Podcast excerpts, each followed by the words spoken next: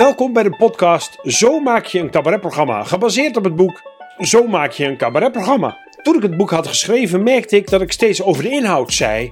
Ja, zo is hoe ik het zie, zo is hoe ik het doe. Er zijn natuurlijk vele werkwijzes. Iedereen doet het op zijn eigen manier. En toen dacht ik, nou laat ik dat nou eens aan mijn collega's vragen. Hoe doen jullie het? Een cabaretprogramma maken. Mijn naam is Sylvester Zwaneveld en in deze aflevering praat ik met Remco Veldhuis.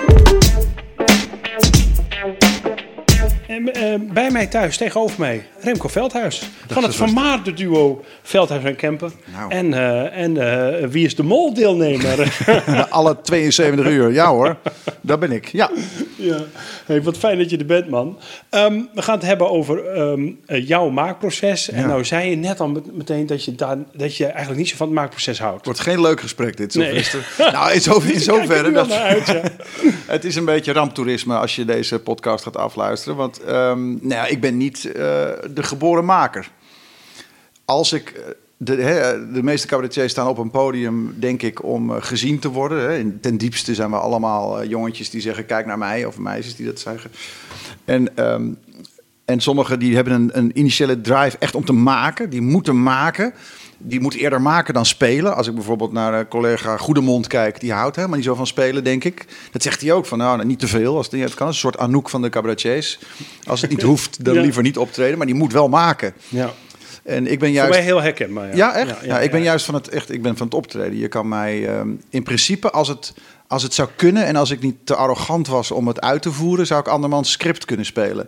Want dan hoef ik het tenminste niet te maken. Zeg Wat, maar. wat vroeger heel gebruikelijk was, toch? Ja. Om gewoon voor je te laten schrijven. Tekstschrijvers had je en Ja. eh, dat was op zich een betere tijd voor mij geweest. Maar het is alleen zo dat ik heb wel eens eh, derden, hè, die leveren dan wel eens iets in bij mij. En ik heb het nooit, het is heel arrogant om toe te geven, maar ik heb nooit goed genoeg gevonden.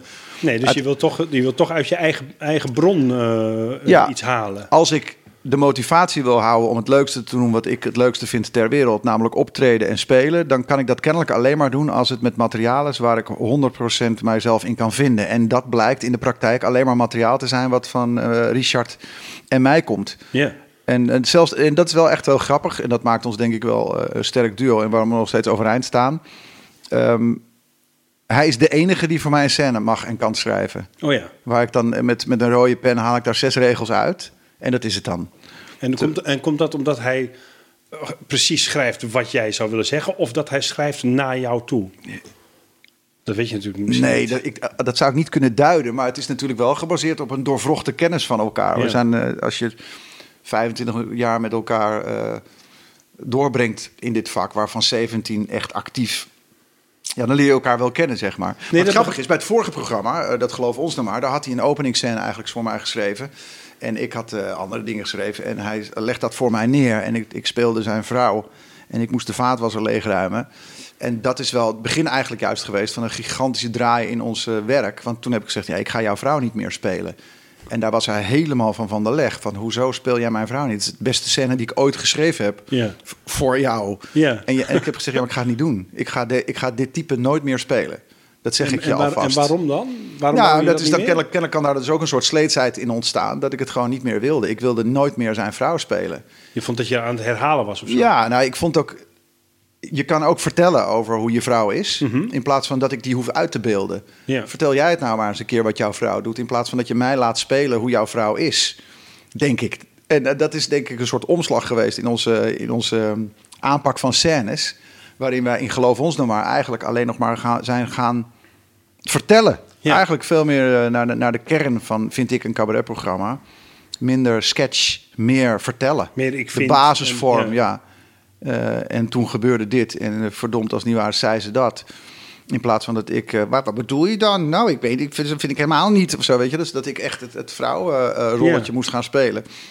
Dus dat, ehm, maar goed, dat, Maar dat had gezegd heel hebben. gedaan. Ik heb dat uit en ten treuren gedaan. Ja. Ja. En met heel veel plezier, hè, laat dat gezegd zijn. Ja, ja, ja, ja. Maar zoals zo vaak met dingen. Nee, ik, je- ben, ik, ik raak heel gefascineerd door waarom je dan daarmee ineens wil stoppen. Ja. Is dat dan om, omdat je eh, ouder wordt of omdat je denkt van ja, dat het denk ik. publiek wil Ik niet vond het kunstmatig worden. Ik vond het eh, eh, uitgespeld worden. Waarom moet ik het uitbeelden? We kunnen het, het is de rode, rode, rode roze rood verven. Het werd mij te, te letterlijk allemaal. Je kan ook vertellen dat je gedoe hebt over een vaatwasser. Wat even een gigantische open deur is, maar even als voorbeeld. Dus kan- het is een beetje zoals ik gestopt ben met roken. Ik, ik deed hem uit, ik doe het niet meer. Nee. Ik wil het niet meer. Nee. Weg ermee. Ja. Klaar. En het is ook nooit meer teruggekomen. En het gaat ook niet terugkomen. Ook. Nee. We, zijn nu, eh, we zijn door corona weliswaar midden in onze opstart van Hou dat vast. Zijn we gestopt. Dat is de nieuwe eh, show. Ja, dat is de Ja. nieuwe voorstelling die eh, eraan zit te komen. Ja. God weet wanneer. Wanneer, ja, wanneer dan dat ook. weet niemand. Ehm, er zit ook geen enkele scène meer in eh, die eh, daarop lijkt. Dat ik. Ja, eh, wat dus- grappig, want, want in de film zeggen ze altijd show don't tell. Terwijl jij nu zegt, nee, maar je kan het beter vertellen dan laten zien. Tell, don't show. Ja, dat is eigenlijk. Ik word wel eens gevraagd om naar een beginnende cabaretier te kijken. Van, hè, kan, je, kan, je, er- kan je er eens wat van Mhm. zeggen? Vind je Ja. ervan? Het is bijna het eerste wat ik doe, is alle vorm eruit halen. Alle opgelegde. Theatraliteit. Ja, alle opge, nou, niet de theatraliteit, maar de opgelegde.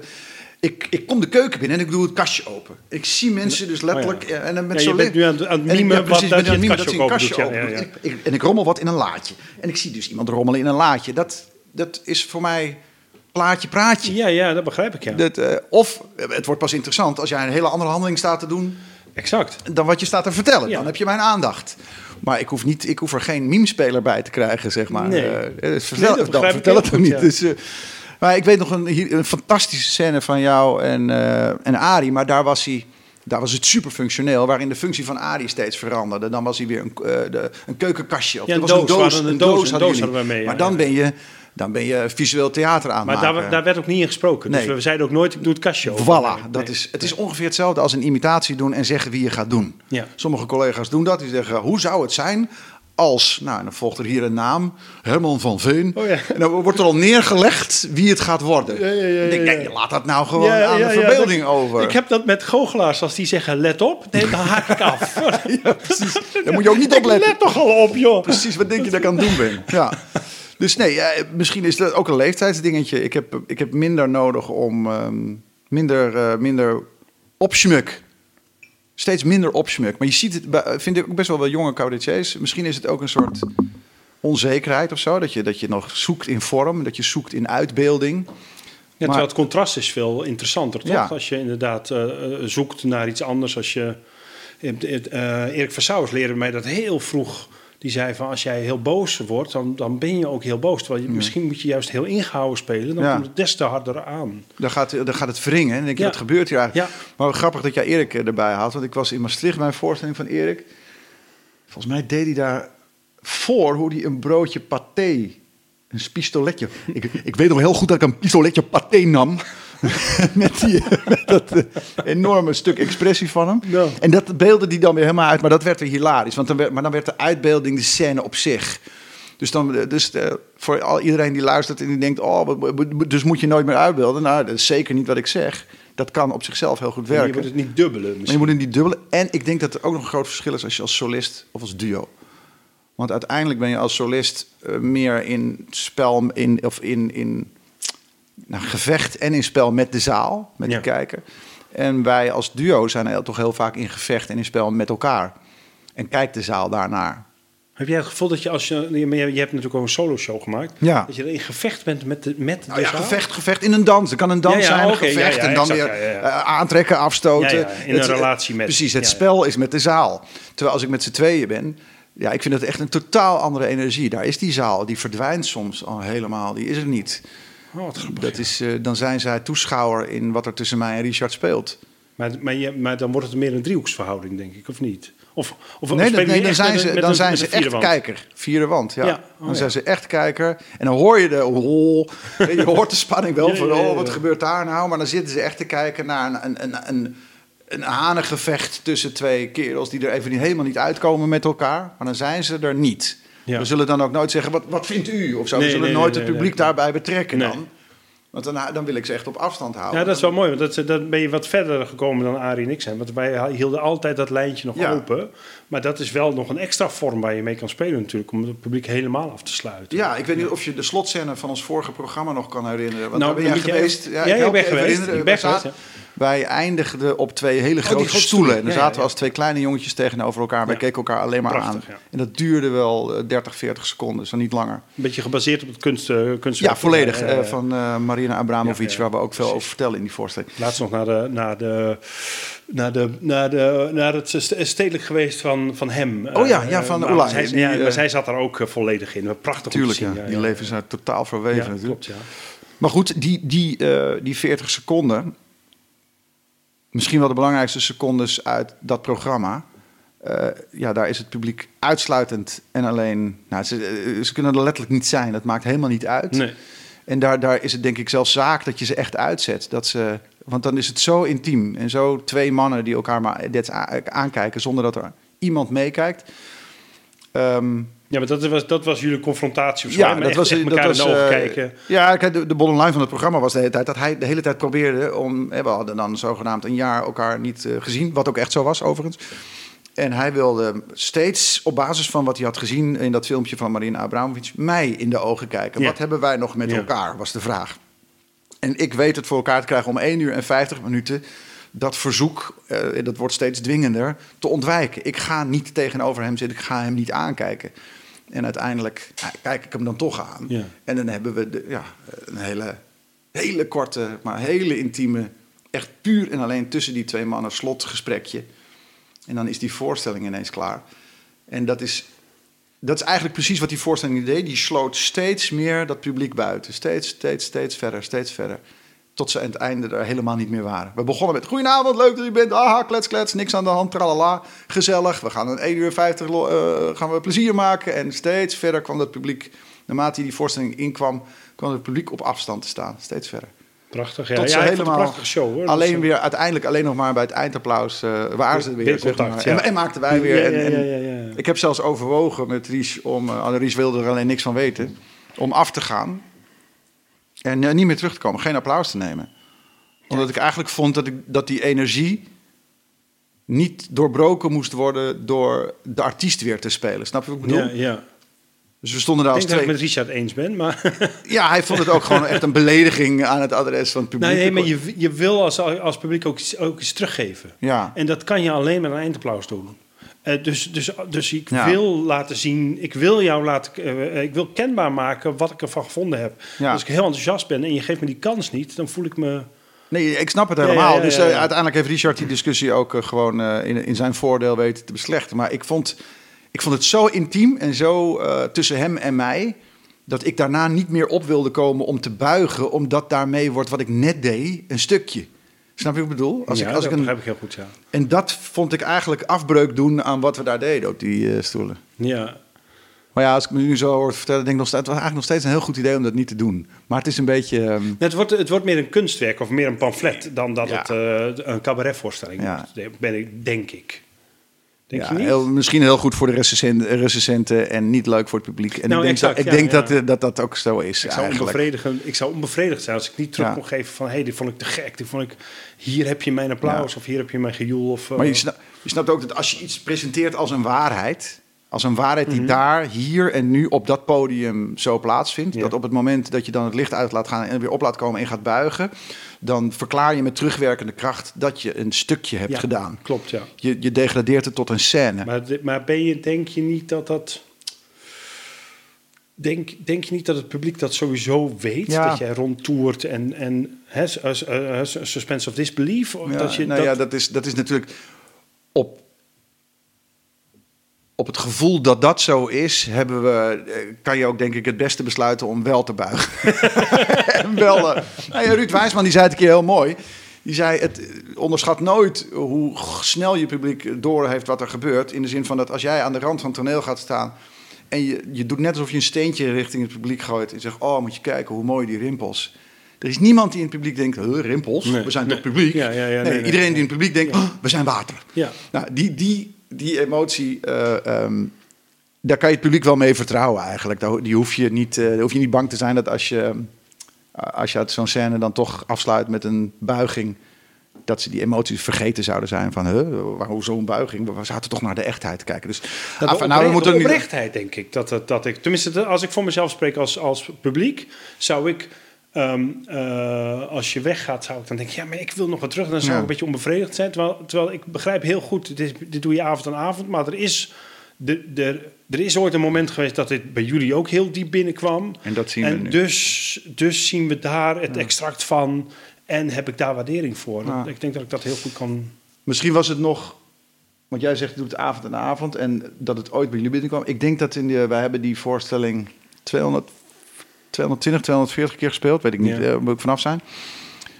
Maar ik denk dat ik 198 keer met tranen in mijn ogen heb gezeten op die stoelen. Nou, wat een, wat een Ja. resultaat. het is eh, best ik- wel heel erg vaak. Gewoon, Maar om de andere eh, kant te laten zien, ik, ik denk zeker te weten dat je ook wel eens een keer verveeld hebt zitten kijken. Zeker, ja. Dat ik dacht, nou ook dat we ruzie hadden voor de Oh, ja. voorstelling. dat, en dat die eigenlijk de hele voorstelling doorcijpelde in de voorstelling. En dan in de foyer komen. Ja. En dan mensen horen zeggen, oh, die chemie tussen jullie. Dat is zo leuk om naar te kijken. Huh?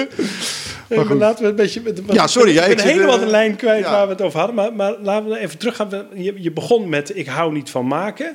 Nou, nou vertel je over deze voorstelling. Laten we die eens bij de kop pakken. Daar zit, je vertelt al helemaal, de, het publiek sluit af. Je hebt een, een, een thema eh, bedacht. Ja. Mhm. Je hebt een verhaaltje bedacht. En... ehm, en- w- wanneer gebeurt dit dan? Hoe is dit nou bij elkaar gekomen? Dat je zei van we gaan aan het eind. En dat zal vast niet in het begin ook 40 seconden zijn geweest. Dat zal veel korter zijn geweest, denk ik, of niet? Die, die, die stilte. Die tilte. Nou, Richard eh, was heer en meester in die scène. Dus die bepaalde ook hoe lang die gebeurde. Oh ja. eh, hoe lang die duurde. En als hij, me echt, eh, als hij zin had om me te sarren... dan kon hij gewoon echt een minuut zijn mond houden. Echt- dat publiek ook ongemakkelijk werd. Van, moeten we nou al... maar moest je daar moeten ook we niet iets doen? Of, in die stilte? Ja, zeker. Ja, Ja, hij ook. Ja, hij, hij wist hem steeds verder te rekken. Gewoon steeds, steeds meer, steeds de ra- randen opzoeken... Van wat een acceptabele stilte was. Ja, omdat, ja, maar je groeit natuurlijk ook in het besef van, van dit werkt. En dit werkt zo lang. Kijken of we nog langer kunnen toch? Precies, ja, ook een, een commentaar achteraf van, nou, dat had wel een minuut langer mogen duren. Oh ja, ja. Maar de, dat hele proces wat eraan vooraf ging, Ja, waar begint het?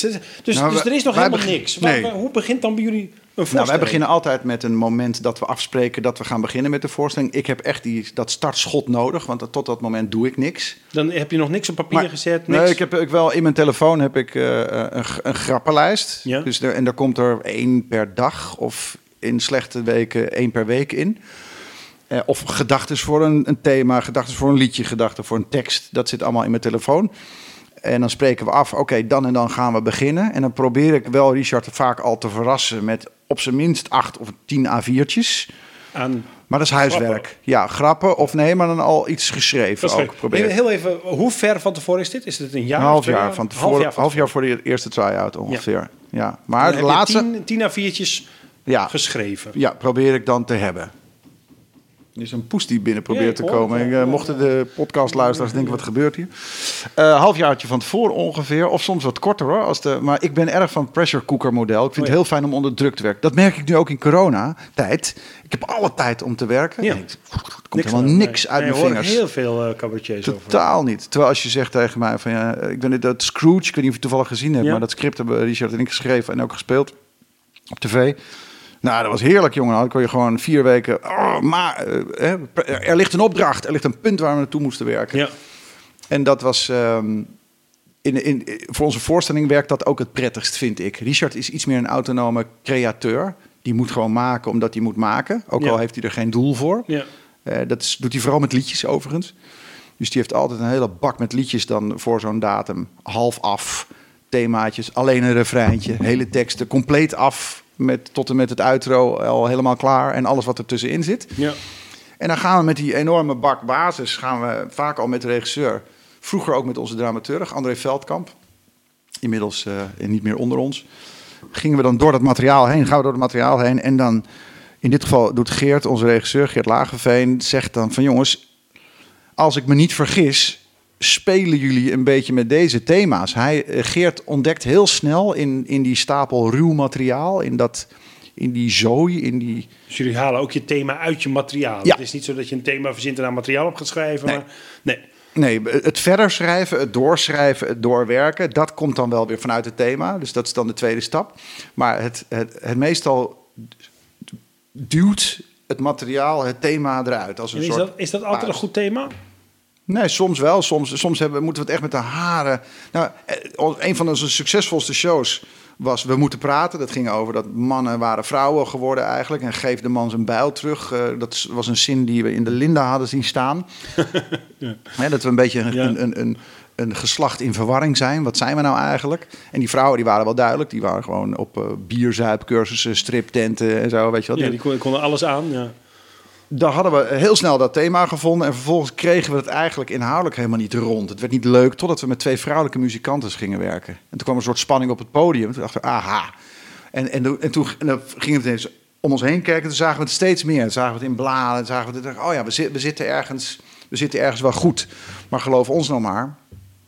Als je mij vraagt wat het thema was. Ja, uh, ja wie is de ander? Kijk mij eens aan. Zie je elkaar wel? Was dat het thema? Ik weet niet eens of geloof ons vriendschap maar... had ik het gevoel. Ja. ja. Nou, ik denk niet eens dus dat daar een heel duidelijk thema aan ten grondslag lag. Um, maar misschien uh, denkt Richard er anders over, maar het hoeft ook niet, hè? Nee, nee, nee. Het hoeft ook niet. Nee. Kijk, nu voor dat hou dat vast. Ja, het heet niet voor niets hou dat vast. Daar is het een beetje basisidee. Richard is 50 geworden. Of zou 50 worden eigenlijk tijdens die tour. Dat is uh, even uitgesteld. Um, en we kwamen tot de conclusie van het eerste deel van je leven ben je bezig met iemand te worden. Hè, te, te, worden wie je wil zijn. En het tweede deel van je leven ben je bezig met te accepteren dat dat niet gelukt is. Dat vonden we eigenlijk een soort, eigenlijk een soort basisgedachte. Dat ik dacht, ja, dat is, wel, dat is wel een thema eigenlijk. En de titel hou dat vast. Die kwam volgens mij van mij. En dat zinnetje wat ik net zei kwam van Richard dat bracht ons heel erg op het punt van ja, wat wil je, wat, waar hou je aan vast en wat kan je loslaten eigenlijk in dat proces? Nou, dan ben je eigenlijk al ver genoeg, vind ik, om thematisch aan de slag te kunnen ja. met een programma. Dus ik schreef een scène over wat ik allemaal, uh, dat ik mijn kamer, mijn, uh, mijn huis ging opruimen en dat ik allemaal dingen uit mijn jeugd tegenkwam die ik eigenlijk gewoon niet weg kon gooien. Dat is een hele scène geworden met de Viewmaster en met Merlin, oh ja, de oh, computer ja, en dat soort dingen. Um, begint uit het thema. Hou dat vast, laat het los. Gooi ik het weg, hou ik het bij me. Wat zegt het over mij? En, ehm, en dat, dat, worden dan scènes. En uh, we hebben eigenlijk daar al, de slotscène ligt daar al van klaar. Moeten we natuurlijk nog gaan try-out. We hebben geen idee of het allemaal werkt. Nee, nee, nee. Dus um, ja, dan, maar, wanneer, sorry, ja, dan kan het thema dus de boel heel erg versterken. Ja. ja, nee, dat begrijp ik. Maar wanneer, wanneer weet je nou, en misschien is dat niet duidbaar hoor, maar wanneer weet je nou dat je een goed thema te pakken hebt? Dat je denkt, nou, nou dit is, hier, ga, hier, hier zit zoveel aan, of dit is zo belangrijk, of dit, wanneer is dat voor jullie? Wanneer word je nou enthousiast? Je, nou, dat thema dat zit helemaal goed. Daar hebben we... Ja, als toch wel als de boel gaat borrelen. Oh ja. Als het je niet loslaat. Als je het bespreekt thuis en dat ook je vrouw of partner zegt... Uh, wat een leuk... Oh ja, oh ja, oh ja. Ja, dat doet wel wat met me. Dat je niet zo goed weet wat precies... maar dat het iets losmaakt in je registers van... Uh, ja, hier heb, ik, eh, hier heb ik gevoel bij. Dit, dit, dit doet mij wel wat. Daarom zou je ons in ieder geval nooit een politiek programma zien maken omdat ik heb geen gevoel bij politiek. Nee. Ik denk het is altijd. Ik uh, niet, nee. nee. Ik moet het altijd over. over wij moeten het over uh, tijdsgeest hebben en niet over actualiteit. En gaat het dan om onderbuikgevoel of gaat het dan ja, om... Ja, nou ja, het komt ergens uit de registers van, uh, van je emotionele persoonlijkheid, denk ik. Die wordt aangesproken. Uh, we hebben een liedje, dat titelnummer Hou dat vast, heb ik toevallig geschreven met um, Jeroen Rietbergen is helemaal buiten Richard omgegaan in eerste instantie. En dat ging. Ja, dat kwam echt voort uit die titel. Dat ik, ja, maar daar wil ik eigenlijk heel erg een lied over maken. Dat, we, dat je gewoon de, de, de energie waar je nu in zit. En het leven, dat je het niet mag. Je mag het gewoon niet opgeven. Je mag het niet loslaten. Dit is waar we het. Dit is het. Er is, er is zover ik weet, geen hiernamaals. Er is geen tweede kans. Dit is hem. En die energie, die ja, soms kan ik die wel eens verliezen in oh, moeilijk, moeilijk, ingewikkeld. Ik heb niet lang niet zo'n leuk leven als die mensen op Instagram. En kijk, Bas Smit, die is en met Nicolette van Dam en heeft een miljoen volgers. En, uh, moeilijk, moeilijk, moeilijk. Ik kan mezelf een enorm slachtoffer vinden van uh, al die andere mensen die het allemaal veel leuker hebben dan ik. Maar dan sta ik op het punt alles los te laten eigenlijk. En denk, ja, ho eens even. Dat is niet de bedoeling. Dus als het, als het een appel doet op iets in mijn gevoelswereld en, en Richards gevoelwereld, en we zijn het daar ook nog eens een keer over eens, of nog beter, we zijn het op delen niet eens, want dat maakt het leuk. Ja, dan, ja, dan hebben, we, dan hebben we een goed thema. Ja. Kijk, in voorstellingen waarin Richard en ik het constant met elkaar eens zijn, die zijn oerzaai. Dus dat moeten we niet doen. Nee, dat kan me dus voorstellen. Als wij op, op grote lijnen het eens zijn en op, op details enorm van mening verschillen, ja, dan heb je dan weet ik, dit gaat goed komen thematisch gezien. Ja, ja, dan moet het inhoudelijk nog goed komen, maar dan heb je een goed thema te pakken. Hey, dus, dus even voor mij, om het heel praktisch te maken. Je, je, je- jij hebt eh, tien blaadjes geschreven. Dat zijn losse grappen en conferences en, en dingetjes, neem ik aan, een beetje. Ja, Richard heeft er. 80 dan geschreven Nou, in die tijd. Dat is echt Maar zo. dat gaat alle kanten op nog blijkbaar. dat gaat alle kanten op. En dan ga je dus in een eh, ruimte zitten met een, met een dramaturg en een regisseur. Ja, vroeger de dramaturg. Ja, en eh, de, dat is nu, de, die rol heeft nu Geert, de regisseur, overgenomen eigenlijk. Die doet nu allebei. En dan gaan we eerst echt op hele grove lijnen voelen wat dat, waar dat materiaal eigenlijk over gaat. En soms is een scène zo leuk, of een idee zo leuk, en dan heeft het geen flikker met het thema te maken, maar dat maakt niet uit. Dan, eh, zoals we in de, vroeger in de reclame zeiden, dan lullen we de commercial wel naar de strategie toe. Nee, andersom, andersom. Ik doe het altijd verkeerd. Dan lullen we de strategie wel naar de commercial toe. Dan past het wel, weet je wel. Dus dan, eh, dat- ik, heb, ik heb ook wel gemerkt dat je... Dat, ik, ik, ik regisseer natuurlijk ook veel Ja. jonge jongens en, ehm, die dan altijd bang zijn van... "Ah, maar dit past niet in mijn thema. Dan zeg ik altijd, ja, maar je kunt altijd emotioneel doorstarten. Hè? Je kunt altijd op... je kunt altijd, als je ergens boos op bent, zeggen... Oh, maar weet je waar ik ook heel boos over... En dan kun je daarop doorstarten. Ja. En dan, komt, dan vindt het altijd wel zo'n plekje in, eh, in je show. En als je daar niet uitkomt, kun je het altijd nog een vreemdkörper noemen. Ja, dan is het heel precies, goed om iets te nemen wat er helemaal niet bij past. Want dat is lekker vervreemdend. Ja, ja, ja, exact. Dat contrasteert dan lekker. Altijd een goede reden om het dan oh, toch een, een stomme grap te maken. Ja. Eh, Maar goed, je zit even, even, nou, even terug. Je zit in dat kamertje met je regisseur, Ja. met, eh, met, met Richard. En we hebben allemaal wat losse materiaal gemaakt. En dan? dan slaan die twee, eh, eh, je twee medemakers, de regisseur en Richard, slaan aan op dingen. of slaan niet lees het- aan op dingen. lees je het gewoon voor? Je leest dingen aan elkaar voor. Durf je dat altijd? Verschrikkelijk. Dat is echt de hel op aarde. Want tot dat moment is het nog leuk. Ja. Altijd. Ja. Want dan hebben ze er nog geen van de twee er iets over gezegd. Richard heeft wel eens geflikt.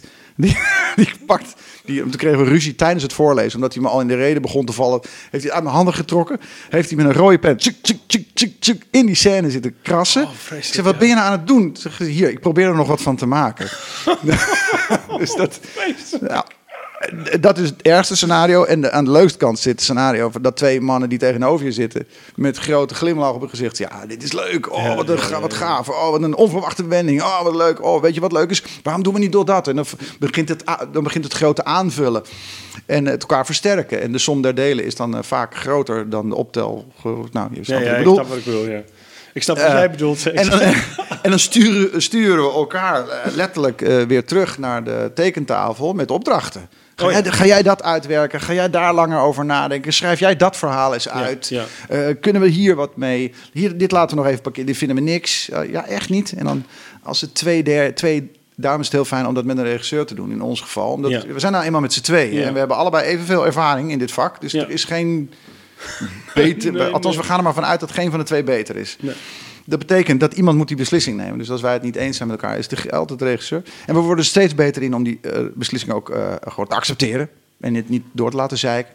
Maar goed, eh, dan iedereen weer terug. En met huiswerk weg. En dan binnen vier dagen weer bij elkaar. Oh ja. En doorpresenteren. want in het begin zien jullie elkaar twee keer per week of zo? ja, dan gaat het echt ja? even, even frequent. Ja. En dan wordt het steeds wat minder frequent. En dan tot we weer naar de eerste try-outs gaan werken. Naar een soort eerste scriptversie. En heel soms zet de regisseur... Nee, het wordt het gewoon niet. Het is niet goed. Eh, dan werken we er allebei aan. eh Richard scène die dan... eh, of laten we zeggen, ik heb een scène die niet goed is. Dan zegt Geert, de regisseur... Zal Richard er een keer aan werken? Nou, dat is heel lastig. Want dan... Hoezo? Waarom hij? Weet je wel? Nou, dat doet hij dan. Eh, dan ben ik het natuurlijk bijna niet eens met alles wat hij gedaan heeft. En dan kan de regisseur nog wel eens zeggen: Weet je wat? Deze neem ik even. Oh ja. En dan neemt hij hem even onder handen. En dat is vaak een. Dat is dan net even wat zo'n scène dan nodig heeft. Om, dat hij even uit handen is van iemand die er emotioneel betrokken bij is. En iemand die er meer naar kijkt van ja, wat is het nou als theatermateriaal? ja. En dat maakt het dan vaak eh, goed. Oh ja. Of in ieder geval try-out waardig, zeg maar. En zo zitten er in eh, Houd dat vast, het nieuwe programma Pak een beet. Van de 20 momenten zitten er volgens mij vijf of zo... die, die echt door Geert eh, eh, opnieuw ter tafel zijn gebracht... of doorverwerkt zijn, Oh ja, of, ja, ja, of helemaal uitgeschreven zijn dat is wel bijzonder, want, dan, want hij is dan echt een maker mee. Ja, hij is echt, hij maakt echt, hij, hij maakt mee. Ja. Hij- ja. Zonder dat hij, eh, ehm, hij zal thematisch niet zo snel iets opdringen of zo. Dat laat hij echt allemaal bij ons. En, want wij moeten erover vertellen, wij moeten er mee het land in. Maar hij heeft wel heel veel ja, hele goede aanvullingen, hele goede ideeën. En kan een scène echt vlot trekken. Hij komt uit de hoek van Orkater. Dus het is echt muziektheaterman. Ja, eh, ja, schrijft heel veel met Leopold Witte. Weet ook wat het is om in een duo te werken. Vindt, eh, snapt ook daar de ingewikkeldheid soms in. En hij kan net even die dingen vlot trekken. Dat is heel belangrijk in mijn optiek. Zeker voor mij en Richard. Ik laat ik zo zeggen, ik durf dat echt te zeggen. Als wij niet zo'n derde persoon hadden gehad. Ik weet niet of wij dan uiteindelijk tot programma's kwamen. Omdat we dan uiteindelijk altijd in een soort impasse komen. Oh ja. Want eh, het is zo leuk dat we het niet met elkaar eens zijn op het podium. Maar dat maakt het maakproces soms bijzonder ingewikkeld. ja. Want dat, je bent het ook in het maakproces niet met elkaar eens. En toch vind je dat het allebei. eh, maar wij worden ook wel weer steeds handiger nu, nu we wat ouder worden in het zien. Oké, dit is nog even niet eh, de ruzie waard. Of eh, dit kan. Oh ja. Of dit zorg ik wel dat het eruit gaat in een is- later stadium. Is dat wat een duo lastig maakt? Of want je zegt, we hebben een duo is een andere energie, is een andere, kan ook heel lastig zijn. Maar wat is dat dan precies? In mijn soloprogramma was ik het bijzonder vaak met mezelf eens, kan ik je vertellen. dat was, daar was ik heel snel uit vaak. eh. Maar, maar probeer eens het verschil dan eens te duiden. Wat is voor jou het verschil tussen een solo en een, en een duo? Nou, bij een duo is het een permanente strijd tussen vinden wat je vindt, willen wat je wil en accepteren wat de ander daar eh, nog over te zeggen heeft. Ik denk ook dat daarom duo's sneuvelen. Op het moment dat je niet meer accepteert dat de ander daar iets aan toevoegt. En dat je denkt, ja, maar dit is gewoon alles wat jij doet, het maakt het lelijker. Of dat nou zo is, dat doet er helemaal niet eens toe. Maar dan ben je als duo klaar. Ja. Lies en ik hebben nog steeds wel dat wij dus elkaar scènes terugzien of, terugspe of spelen. Dat je denkt, ja, damn it. Oh, wat, je, je tilt het naar een ander plan. Je, trekt, je maakt het beter. Als solist, die solovoorstelling die ik heb gemaakt... Ja, het was een hele goede voorstelling. Althans, daar was iedereen het over eens. Maar ik denk niet dat het ooit die vleugels gaat krijgen die het kan hebben als je als duo elkaar toch eh, weet Ja. versterken. Dat is toch echt wel het grote. En ik ben er gewoon echt achter dat gedeelde smart is halve smart, maar gedeeld succes is dubbel succes. Ja. Dat is echt zo. Ja. Ik, vond, ik, heb het, ik vind het geen enkel probleem om mijn applaus te delen met Richard. Want ik weet ook dat ik de kutavonden deel met Richard. Ja, En, ik, zei, ik zou toen ik, want ik ben natuurlijk gestopt als duo. Ja. Hè, en zo, eh, ik was daarvoor ook als solist hoor, dus het was niet helemaal. nee, eh, precies. Ja, wist waar je naartoe ging. eh, dus ik wist waar ik naartoe ging weer. Ehm, ehm, ik zei altijd, je moet een beetje verliefd zijn op elkaars talent. Ja. En als dat voorbij is, dan is het gewoon voorbij. Nou, dat, eh, dat, dat zeg je denk ik heel goed. Dat, dat, ik had dat hele verhaal van net... Had ik kunnen, kunnen samenvatten. in dit zin. voor je. Ja, nee, ik kan naar Richard toe rijden met de pest in mijn lijf. Geen zin in die kop van hem vandaag. Even niet. Pff, net gedoe thuis gehad. Kinderen moeilijk. En dan begint hij iets te spelen wat hij heeft geschreven. Ik zet daar een tweede lijn onder. We zitten allebei met kippenvel tot aan onze oksels. En dan, ja, wij, zijn, wij kunnen nog echt eh, ongelooflijk genieten van elkaars talent. Verliefd, zel, ja, verliefd zelfs een beetje. Dat Ja. je echt helemaal... Nou ja, je moet daar in ieder geval blij van worden. Van, Ja. oh jeetje, wat heb je nou weer voor tofs gemaakt. Ja. Zo erg zelfs dat we, we begonnen met vijf liedjes in dat programma. En eh, door corona heeft Richard er drie bij geschreven. En ik kan gewoon, ja, ik denk, damn it, die- ook gooi ze erin. Het is Ja. hartstikke goed. Ja. Nee, niet, het is niet af, maar wel heel goed. eh, fantastische basis, mooie lijnen. En, wat je, en dat is echt leuk ook nog aan, aan Richard te zien. Die ziet gewoon, die voelt dat als ik er me ook mee aan de slag ga. Hij legt dat ook echt bij mij neer. Hij zegt, kijk, ik kom er niet uit. Die, dat, dat refrein, dat, dat, we komen niet goed dat refrein. Wat kan jij daarmee? En dan, en dan speelt hij wat ik voorzing bijvoorbeeld. En dan, ja, ja, oh, ja, nee, te gek. Ja, dit is het, dit zocht ik of zo. De- hier was Ja, ik ja, op zoek. Nou, zolang je dat nog kan met elkaar. En dat mis ik ten ene male in een, in een soloprogramma uiteraard. Want dan Ja. zie je gewoon, eh, ja, alles kan. En tegelijkertijd is dat ook de ultieme vrijheid. En dat is ook Nou ja, heel je, je hoeft geen compromissen te sluiten, dat is natuurlijk fijn daaraan. Ja. Ehm, maar ja, als je, als je, wat ik al zei, als je een beetje verliefd bent op elkaars talent, zijn die com- compromissen natuurlijk heel fijn. Die altijd. maak je dan. Ja, dat, ja, dat, ja, zijn. Geen, eh, dat zijn geen offers, dat zijn Nee. cadeautjes. Ja, zeker. Ja. Hey, eh, er- er zit niet alleen een thema in een show, er zit Nee. ook nog verhalen en er zitten ook nog conferences en liedjes erin. Hoe ko- komen, dus die liedjes die komen een beetje solistisch tot stand, begrijp ik, hè? Ja, maar het kan ook van. eh, eh, ja, of ik met Richard schrijf, of bijvoorbeeld nu met andere schrijvers als eh, Jeroen. Of ik heb ook eh, met Federa Kwant, eh, onze bassiste, wel eens een liedje geschreven. Dus dat, dat, die liedjes die ko- komen wel, hè, in, in basis het meest bij Richard vandaan. En die proberen we. Er is niet een liedje waar ik niks aan gedaan heb. Nee, Bijna niet. nee, nee. zijn er wel, echt. En die zijn dan ook schitterend. maar er is altijd wel wat. En Richard andersom ook altijd wel wat. En dan. ehm, dan hebben we heel veel liedjes, we hebben heel veel scènes, we hebben heel veel ideeën nog voor nieuwe uit te werken scènes.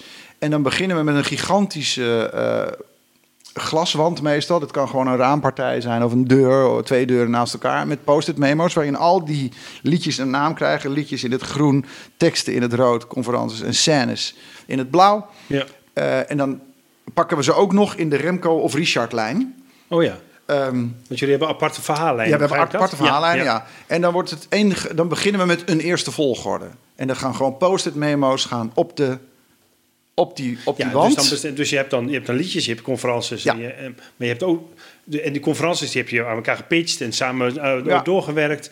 Eh, soms zijn het crosstalks, soms zijn het solo-verhalen. Ja, precies. Ja. En hoe kom je nou tot een verhaal dan? Nou, dat is dan nog eerst een volgorde, komt er dan. Ja, oh ja. En dan zit je naar die volgorde te staren en dan zie je nog, daar hangt er boven de post-it, de bo- boven de post-it memo, sorry, de bovenste post-it memo is dan eh, opening. ja. En dan zit er ook nog ergens een post-it en dat heet koppeling. En dat is helemaal niks. Maar je voelt dat daar, iets, dat daar een gat zit wat Ja. nog opgelost moet worden. Dat is niet goed. Nou, en zo gaan we constant, zijn we met die volgorde bezig. En dan langzamerhand begint zich het verhaal af te tekenen. Dat je denkt, ja maar wacht eens even. Hier komen we op in deze fase. Hier ontwikkelen we ons allebei met twee simpele verhalen tot twee best wel ongelukkige persoonlijkheden, maar allebei op een hele andere manier. Hier begint het zich een beetje op te lossen en hier werken we naar een einde toe of zo. Ja. Dat klinkt heel maat- eh, mathematisch, heel eh, Nee, wiskundig. het zit toch gewoon begin, midden, eind. Ja, dat En zit er- met een probleemstelling en een status quo. En een, Ja, nou, Ja. Ik, ik zou het niet eens zo noemen, denk ik. Het is Nee, alleen nee. gevoelsmatig dat ik denk, oh ja, oh ja, oh ja, langzaam zie je wel, voel je wel een beetje dat we hier naar een einde toe werken. Oh, dan is dit eigenlijk een heel mooi slotnummer. oh ja. En dan, oh ja, we willen niet eindigen met een liedje. Nou, dan doen we daarna nog twee zinnetjes en dan laten we dat effectje. Oh ja, weet je, Maar, maar was dat met die voorstelling met die stoelen dan ook zo? Is, is dat er later ingekomen? Want het zag er zo, ehm, eh, hoe zeg je dat, duidelijk verhaal, een- als een duidelijk verhaal uit. Dat, dat je toch het gevoel hebt als je kijkt dat het daar ontstaan is. Is dat, Nou, is ik dat- weet niet meer zo goed of we, of we eh, in welke fase van het, van het creatieproces het idee opkwam om inderdaad daadwerkelijk te eindigen op die stoelen. Ehm, volgens mij. Richard kwam ermee van, heb je dit gezien, dat filmpje van Marina Abramovic? Dat deed mij eigenlijk helemaal niks. Heel grappig. Oh, ja. Sommige mensen die hebben de Ja. tranen over wangen. tranen, en ik denk, nou, wat zit die mevrouw nou moeilijk te doen? ja, serieus. Dus ehm, nou, dat verschil alleen al. Richard tot tranen toe geroerd. Ik, mij deed het niet zoveel. Nee. Nou, dat gesprek alleen al, daar was, zat Geert bij. Die zei, ja, maar dit is toch geweldig om, om alleen al het enthousiasme van Richard de kop in te laten drukken.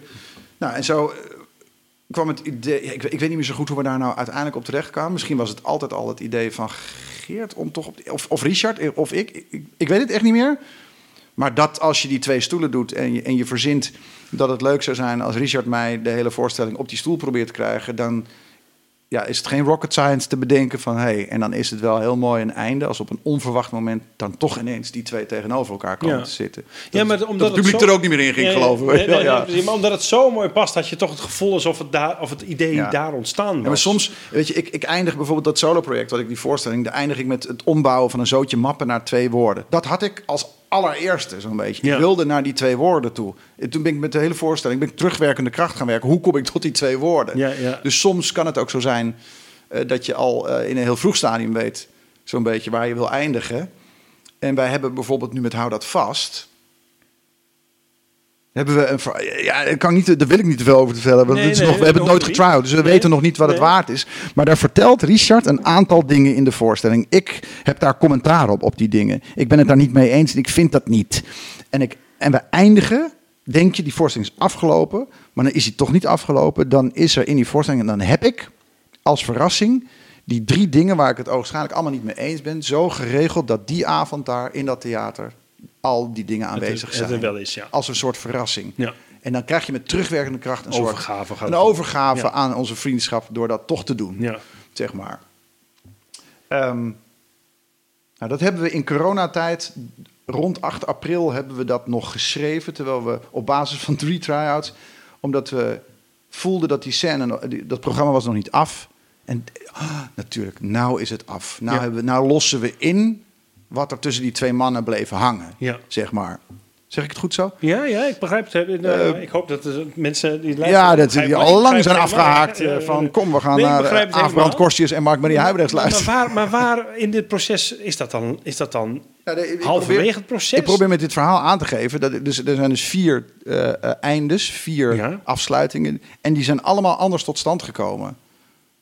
Want ik weet ook... Ja, ja, want ik kan me herinneren dat wij, wij zijn niet begonnen met op die stoelen te zitten in try-out fase aan het einde. Dus die oh, moet ergens in try-out fase erin gekomen heel zijn. laat dus. Ja, waarschijnlijk wel, ja. ja. En want het decor was ook heel veel stoelen. Ja. Uh, dus dat is dan nog later ontstaan. Veel later. Nou, wij werkten in, in theater. Wij, wij kwamen theater binnen en zeiden van... joh, heb je, heb je acht stoelen? Ja. Verschillende het liefst. Ja hoor, gewoon in try-out fase zo goedkoop mogelijk. Ellen Windhorst, de directoorontwerper van Geloof ons maar die kwam met het geniale idee om die stoelen steeds groter te laten worden. Waardoor wij als man steeds kleiner werden. Wij werden jongetjes aan het eind. Wij zaten op een gegeven moment met onze voeten niet meer op de grond, waardoor het heel... Het hele decor stond vol met stoelen. Vol met stoelen, met allemaal dezelfde. De stoelen uit dat Maria Abramovic filmpje, dat waren replica's van dat filmpje. Nou, zo, ja, dan valt alles op zijn plek. Als ook je decorontwerper met zo'n fantastisch idee komt, dat dat filmpje, wat we ook nog aan het eind in het outro, prachtig begeleid door Richard op piano, laten zien ja, dan, eh, dan, dan weet je wel dat het af is, zeg maar. Je, je maar dat zijn dus ook ja, eindes, slotscènes, ja, die, die variëren bij ons in try-out fase enorm. En dan, uh, het, meer dan eens komt het voor dat we een volgorde spelen. En dan, uh, dan staat in de kleedkamer staan we al uh, de nieuwe volgorde te maken. Oh ja. Van, ja, Oké, dit werkte dus helemaal niet. Nee, Eén keer, weet je wel. heb je het één keer gedaan? Dan laten we het daar zo over. Wil je ja. nog koffie tussendoor? Nee, ik neem een glas water. Neem want ik, water. ik heb al rode Ik pak even koffie. Ik zeg, nou, ik heb koffie gehad. Intussen hebben we al van alles doorgekletst. Um, het is helaas niet ingekomen. Nee, het leukste deel van de podcast hebben we net gehad. Ja. Um, hebben, jullie, hebben jullie een doel um, uh, van tevoren bepaald? Van we willen minimaal dat een programma daaraan voldoet. Dat het dit moet zijn. De mensen moeten zo de zaal nee. uitlopen. Nee, we zeggen altijd we gaan nu 1 uur en 40 minuten maken. Dat doen we. Oh, ja. En het wordt altijd 1 uur en 55 minuten. En daar hopen we dan wat van af te snoepen. En dan komt er weer wat bij. Dus we, nee, dat is zo'n beetje het enige doel. En maar voorstelling wordt nooit korter, toch, tijdens het spelen? Nee, nee. nee daarom. Dus het is ook een totale illusie te denken dat, dat, we ooit bij die 1 uur 40 komen. Ja. Um, nee, ik denk dat wij dat nooit stellen per programma. Maar wij hebben wel met z'n tweeën ons voorgenomen dat wij... We willen mensen, het is een verschrikkelijke term, maar toch wel beraken. Dat is het, beroeren en raken. Of zo. En vooral dat ze vrolijker naar buiten gaan dan dat ze binnenkwamen. Dat ze echt even de sores van... Uh, de week of de dag. Dus of uh, entertainment. Ja, ja, absoluut. Het is, wij vind, ik vind mensen onszelf ook absoluut geen klein kunstenaars. Ik vind ons verma vermakings. Ver, ver, vermaakkunstenaars, zeg maar. Vermaak, we zitten in de vermaakindustrie, maar we willen, we willen absoluut wel mensen. Nou, zoals dat, dat, dat uh, ook weer die slotscène toch wel. Dat überhaupt het geloof ons nou maar. Hè, want, want zie je elkaar. En met ja. name in relaties kan dat echt wel een ding zijn tussen, tussen partners. Uh, dat is, het is wel heel fijn als er in de foyer en bij voorkeur in de auto naar huis en thuis in bed nog het er heel even over gaat. Maar ik wil geen McDonald's zijn van het cabaret. Nee, dus het gaat dus verder je... dan entertainment. Ja. ja. Dus, dus je wil ook een inhoudelijk statement maken? Ja, nou, ik wil iets meegeven wat waarde heeft. Wat, wat, wat blijvende waarde heeft. Je hoeft het niet toe te passen, je hoeft het, maar je hoeft het maar je moet het niet vergeten. Het mag niet vluchtig zijn. En wat is dat dan? Kun je dus duiden wanneer dat dan. Wanneer is iets. Wanneer wordt iets van waarde? Ja, toch wel als het je geraakt heeft. Als het ergens bij je binnengekomen is. Ik dacht altijd. Um, uh, hoe particulierder, hoe meer het over mijzelf gaat, over een klein dingetje wat mij is overkomen, hoe minder interessant het voor het publiek is. Want ja, hoezo kunnen ze zich daarmee vereenzelvigen? Maar wat, eh, wat, wat blijkt, en ik denk dat we dat allemaal omarmen, hoe particulierder, hoe, hoe, hoe, algemener. Want de basisemotie achter iets wat je meemaakt, een liedje over mijn vader of weet ik wat. Ik omschrijf mijn relatie met mijn vader in Geloof ons nou maar, dat dat een opvliegende man was. En daar heb ik zoveel op teruggehoord dat hij van mensen die dus dat was een hilarische scène. Eh, dat ik daardoor de stofzuiger stuk sla. Of, of, een, of een opblaasbadje lek steek. Omdat ik het geduld niet heb. Of een handdoekenautomaatje ja, ja. bijna uit elkaar trek. Omdat ja. het me allemaal te lang duurt. Dat ik dat driftige gen van mijn vader. Maar daar zit een ondertoon onder. Van een hele ingewikkelde relatie tussen twee mannen. En hoe vaak ik daar mensen op terug hebben gehoord van... eh, eh, ik, ik weet precies hoe je voelt en hoe onmachtig en eh, is het nog goed gekomen? Mensen die daar nog op terugkomen, omdat ze dat herkennen, omdat ze zelf struggelen. Misschien omdat ze zelf vader zijn met een ingewikkeld kind... of ze hebben zelf een ingewikkelde relatie. Eh, dat hoeft helemaal niet over vader-zoon te gaan... maar dat kan een ingewikkelde relatie in het algemeen Ja, zijn... ja, ja, die relatie waar ze zich dan je aan dan. spiegelen. Dus het moet, het moet we hebben ook een scène gehad over dat ik niet bij een toiletpapiertje kon. Het publiek bevuilde zich bij kans, maar ik heb nooit achteraf gehoord van wat een mooie scène was Nee. dat. Nooit.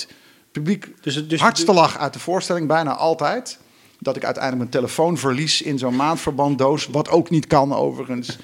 dat de kerel kon in en dat hij er weer uit moest vissen. Het publiek gierde het uit van het lachen, maar nooit gehoord wat een mooie scène. Nooit. En daar mogen van die, van die maandverband, van die toiletrolscène, mogen er maar een paar in een programma zitten. Het totaal moet iets met je doen van wow. Het, ik heb even. Ik heb weer even nagedacht over hoe ik zelf in dingen sta. En aangezien wij vaak over relaties hebben, of dat nou man, vrouw, partners, eh, vader, zoon, kind, ouder, vriend, vriend is, dat maakt niet uit. Maar gewoon, wij bestaan, wij mensen bestaan bij de gratie van onze relaties. Eh, eh, hou dat vast, opent. Ik geef best wel veel weg al, maar eh, dat opent met. ehm, Ja, dan luister je, ben je Nee. toch, dan ben je er toch niet ja, meer nee, nee, oké, nee, maakt ook niet uit. Het is gewoon een heel goed, heel, goed, heel goed idee, is dat, vind ik zelf. Ik open met een lullige statement van niks. Je ziet pas of het lampje in de koelkast uit is. Of je weet alleen maar of het... Nee, sorry. Het, ik open met het flauwste statement ever. Eh, het lampje in de koelkast brandt alleen maar als de deur open is. Ja. En, en die vraag kan je stellen. Brandt die ook als Ja. de deur dicht is? Wat een ontzettende platitude van helemaal Ja, niks is. Ja. Maar gaandeweg in die voorstelling kom je erachter dat ik daarmee bedoel... wij zijn het lampje in de koelkast, wij mensen. Wij, verhouden, wij zijn uitsluitend mens omdat wij ons verhouden tot andere mensen. Als je alle andere mensen weghaalt, zijn we letterlijk niks meer. En, en die...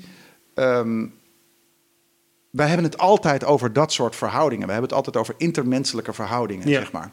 En daar is eindeloos veel over te vertellen, maar er is ook eindeloos veel over te voelen.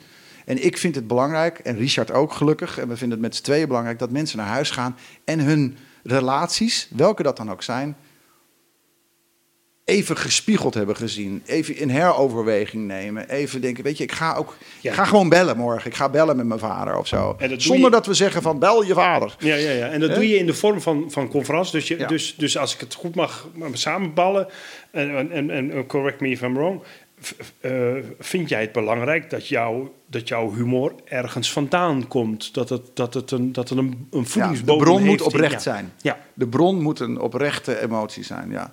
Niet alleen hé, dat is grappig. Nee, Man nee, glijdt uit over zijn. bananenschil. Nee, dat, ja. dat is grappig. Nee, maar man glijdt, eh, glijdt uit over bananenschil omdat hij ruzie met zijn vader heeft, is wel interessant. Precies, omdat hij net of omkijkt naar een vrouw... wat hij net had afgesproken met zijn vrouw... nooit meer te doen en gaat op zijn berg. Dat, weet je, dan ontstaat er... En die... Dat is al een heel slecht voorbeeld trouwens. Moet je niet, eh, niet overnemen. Maar, maar dan ontstaat er iets wat gewoon meerwaarde heeft. Waarin, waarin, waarin humor iets, eh, ja, iets kan bijdragen... in hoe je in het leven staat, hoe je naar het leven kijkt... en hoe je met elkaar omgaat. In je relaties, in Ja. ons geval dan Ja. vaak. Ja, dus dat is ook een, dat is wel een doel wat je hebt. Ja, dat is Dus wel een doel, ja. ja. En, en mensen ehm, bij voorkeur dan... Kijk, en troost bieden. Troost is ook nog een goeie, vind ik. Ehm, iedereen kloot maar wat aan. Laat dat gezegd zijn. Mensen die zeggen dat ze zeker weten wat ze doen... die moet je per definitie wantrouwen. Iedereen klooit maar wat aan. Maar we leven in een maatschappij waarin dat helemaal niet duidelijk hardop gezegd wordt. Niemand kloot wat aan. Hallo, zie je mijn sexy leven op Instagram? Zie je mijn fantastische huis? Zie je mijn geweldige baan? We zijn enorm in een eh, bewijscultuur dat het heel goed gaat met ons. Maar dat is niet zo. Dat is in 99% van de gevallen niet altijd zo. Dus we klooien allemaal maar wat aan. En door met z'n allen, met 700 man, naar twee mannen te kijken die openlijk toegeven dat ze ook maar wat aanklooien, is heel troostend. Snap je wat ik bedoel?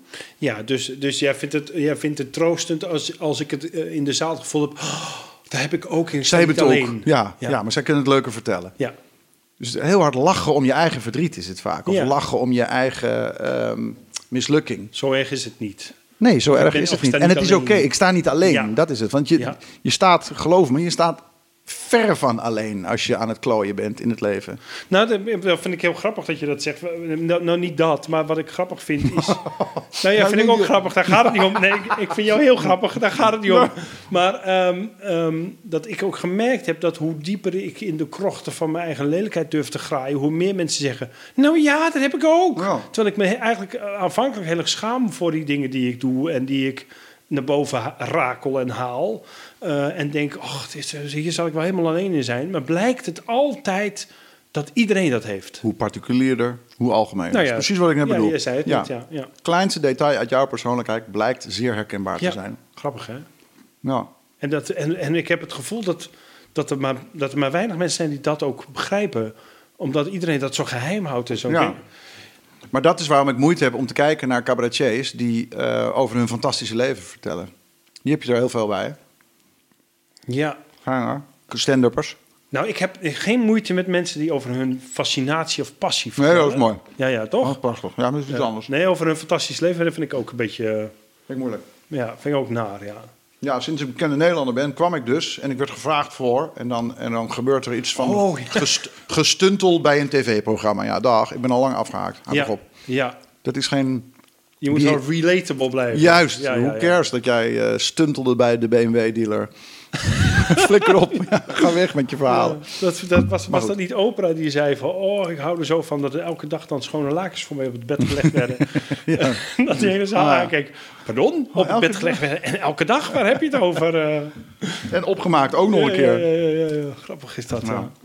Oké, dus, dus dan op een gegeven moment, dan, dan, dan, moeten jullie, dan hebben jullie een verhaal en dan zijn al die, al die, die post-its en zo, die, die hangen op, dat op het raam en, je- en je ziet een soort structuur. En Mhm. Dan moet dat gerepeteerd worden en geregisseerd worden. Hoe, hoe, hoe gaat dat in zijn werk? We beginnen... Sorry, ik zit Ja, ik- stroopwafel Ik te probeer, hem, ik probeer mijn, mijn vragen wat langer te maken, zodat Heel je je stroopwafel... eh, Ik had niet moeten gaan eten. Dan gaan we eh, vaak met een werkscript. eh, met een zo groot mogelijke ringband. Zodat je de Dus- bladeren dus je heel makkelijk... Een werkscript is dan meteen dat ik denk, oh, dus je schrijft het helemaal uit. Ja, alles is helemaal uitgeschreven. Dat komt omdat we met z'n tweeën zijn. Ja. Alleen de solo-scènetjes kan je zeggen van impro. En Oh, dan mag dat. En dan kan dat ook. En dan gaan we met een werkschriftje met een grote ringband erin. Zodat die bladen heel makkelijk omslaan.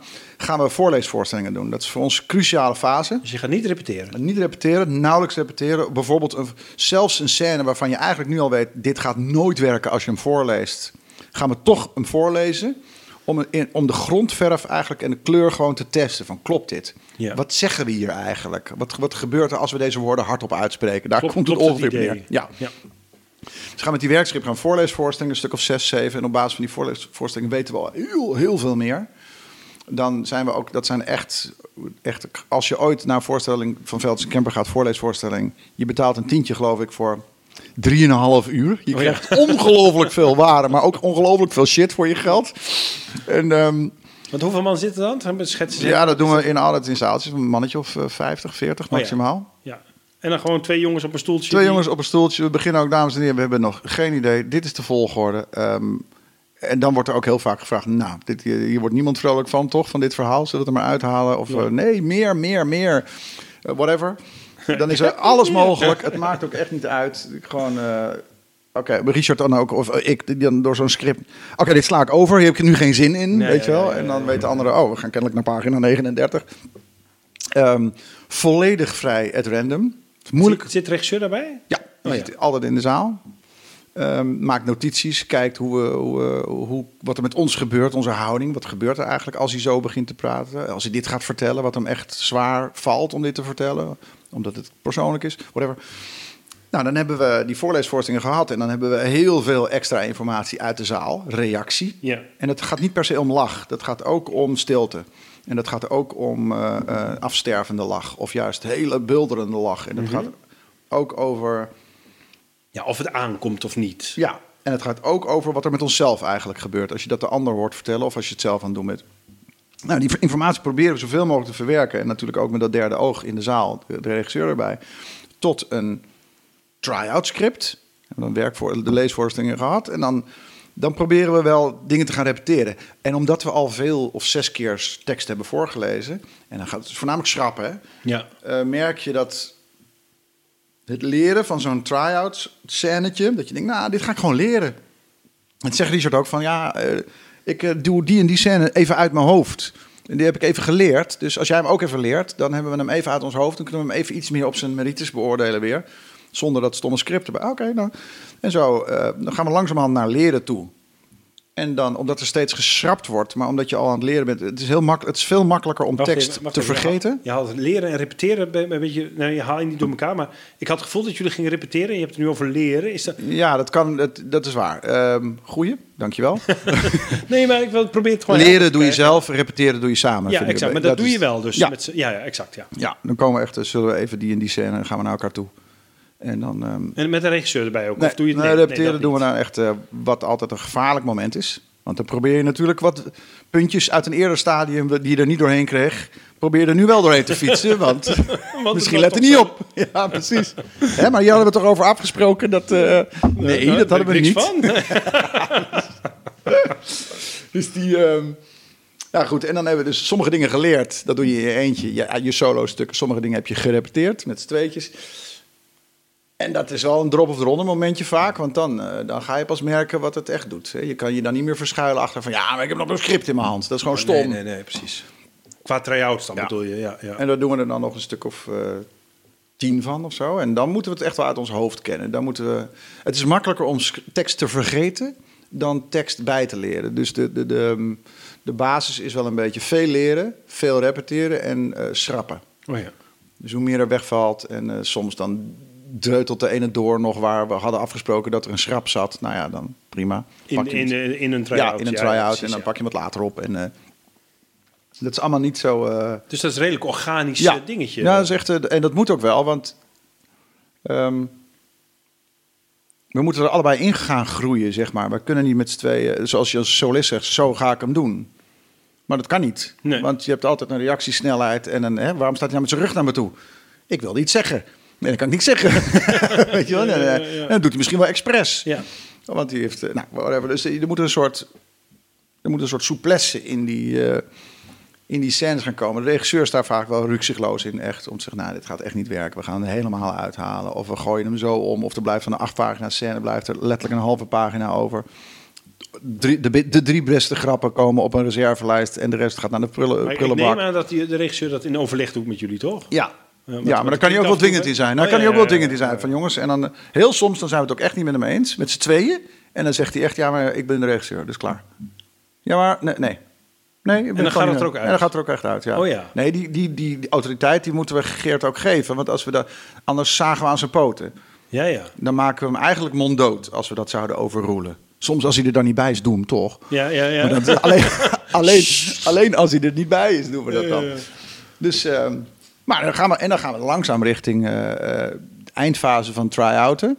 Ja, en dan beginnen we toch echt wel een gevoel te krijgen van dit werkt gewoon altijd. Dit is altijd goed. Dit, gaat, dit moet nog groeien, maar je voelt dat het erin zit. Ehm, wat een goed einde. Oh, wat doe je daar? Kunnen we dat niet anders? Constant blijven bijsturen, bijsturen, bijsturen. En dan ga je naar de beroemde montage.